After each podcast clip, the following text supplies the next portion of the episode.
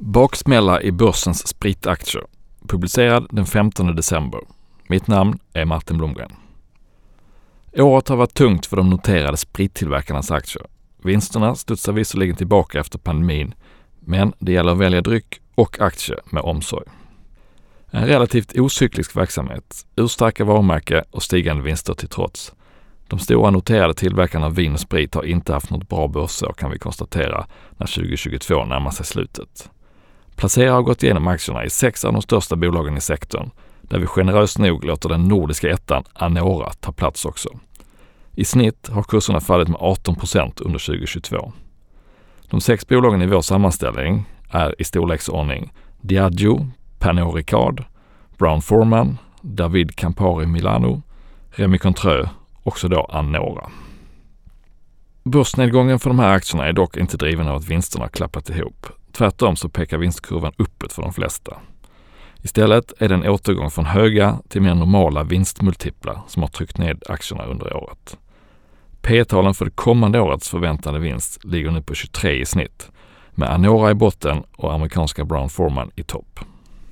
Låg värdering är förstås en trevlig egenskap för en aktie, men det är inte utan orsak som Anora ligger i botten.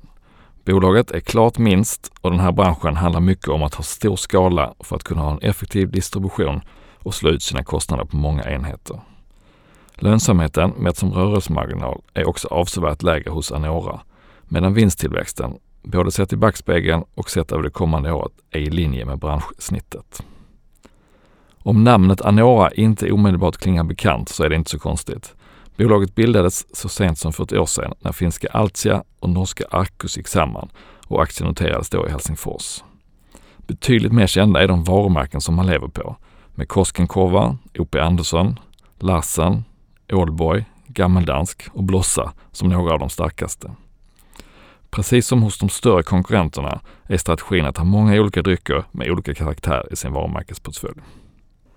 Att Arcus och Altia gick samman efter bara fem respektive tre år som egna börsbolag motiverades just med behovet av att utnyttja skalfördelar och bli en stor nordisk spelare.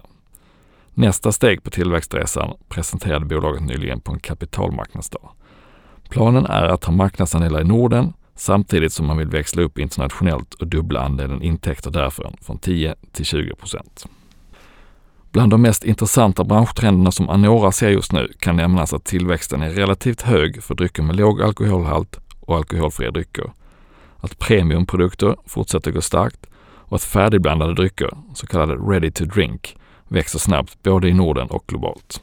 Trots dessa drivkrafter och de egna initiativ som har nämnts för att växa räknar Anora för egen del med att nå modesta 3-5 tillväxt om året, inkluderat förvärv med målet att på sikt nå en ebitda-marginal på 16% att jämföra med 15% före pandemin, har vi svårt att bli eld och lågor över den här nordiska spritaktien, även om den är lågt värderad i förhållande till branschbjässarna och har en skaplig utdelning. Att det är skala som gäller i branschen illustreras också av att lönsamheten oftast är högre ju större bolagen är. Topp tre i vår sammanställning ligger alla kring 30% i rörelsemarginal och störst av dem alla är Diageo. Hos Diageo hittar man varumärken som Johnny Walker, Guinness och Smirnoff och aktien sticker inte längre ut som dyr. Diageos P-tal på 20 med en förväntan om en vinsttillväxt nästa år på 15 procent, som förvisso avtar till 7 procent följande år, är klart överkomligt givet den starka uppställning av varumärken som man har i sitt stall. Det är också hos Diageo som analytikerna ser bäst potential för närvarande, med 16 procent upp till den genomsnittliga riktkursen. Nästan lika stor potential ser analytikerna i Pernod Ricard, där vår egen vodkaklenod Absolut hör hemma numera. Nyckeltalen är likartade de som Diageo har med en vinsttillväxt på 16% som sen halveras och ett P-tal på 19. Dyrast i klubben är Brown Forman som också har stått emot börsoron bra i år. Bolaget släppte nyligen sin kvartalsrapport för perioden fram till sista oktober och där vittnade man om organisk tillväxt på 17 påhejat av en stark efterfrågan på Jack Daniels Tennessee Whiskey från reserelaterade försäljningskanaler. Ännu starkare gick de så kallade superpremiummärkena Woodford Reserve och Old Forester. Precis som Anora ser amerikanerna ett ökat sug efter färdigblandade drycker och man har precis lanserat drycken Jack and Coke i samarbete med Coca-Cola för att rida på den trenden. Lönsamheten hålls dock tillbaka av kostnadsinflation, en stark dollar och generellt högre kostnader för varuförsörjningen. Sammantaget tycker vi att sektorns stabilitet och låga konjunkturberoende tillsammans med möjligheten att växa på marknader där medelklassen ökar i storlek är ganska lockande i det här osäkra skedet. Någon spektakulär tillväxt handlar det dock inte om, vilket gör uppvärderingspotentialen begränsad. Slutsatsen ur ett investeringsperspektiv blir något tudelad. Är man en utpräglad utdelningsinvesterare så hittar man ett ganska stabilt case i Anora som ger motsvarande 6% direktavkastning i år. Och eftersom bolaget enligt egen utsago är välinvesterat bör de kunna upprätthålla en bra utdelning även framöver.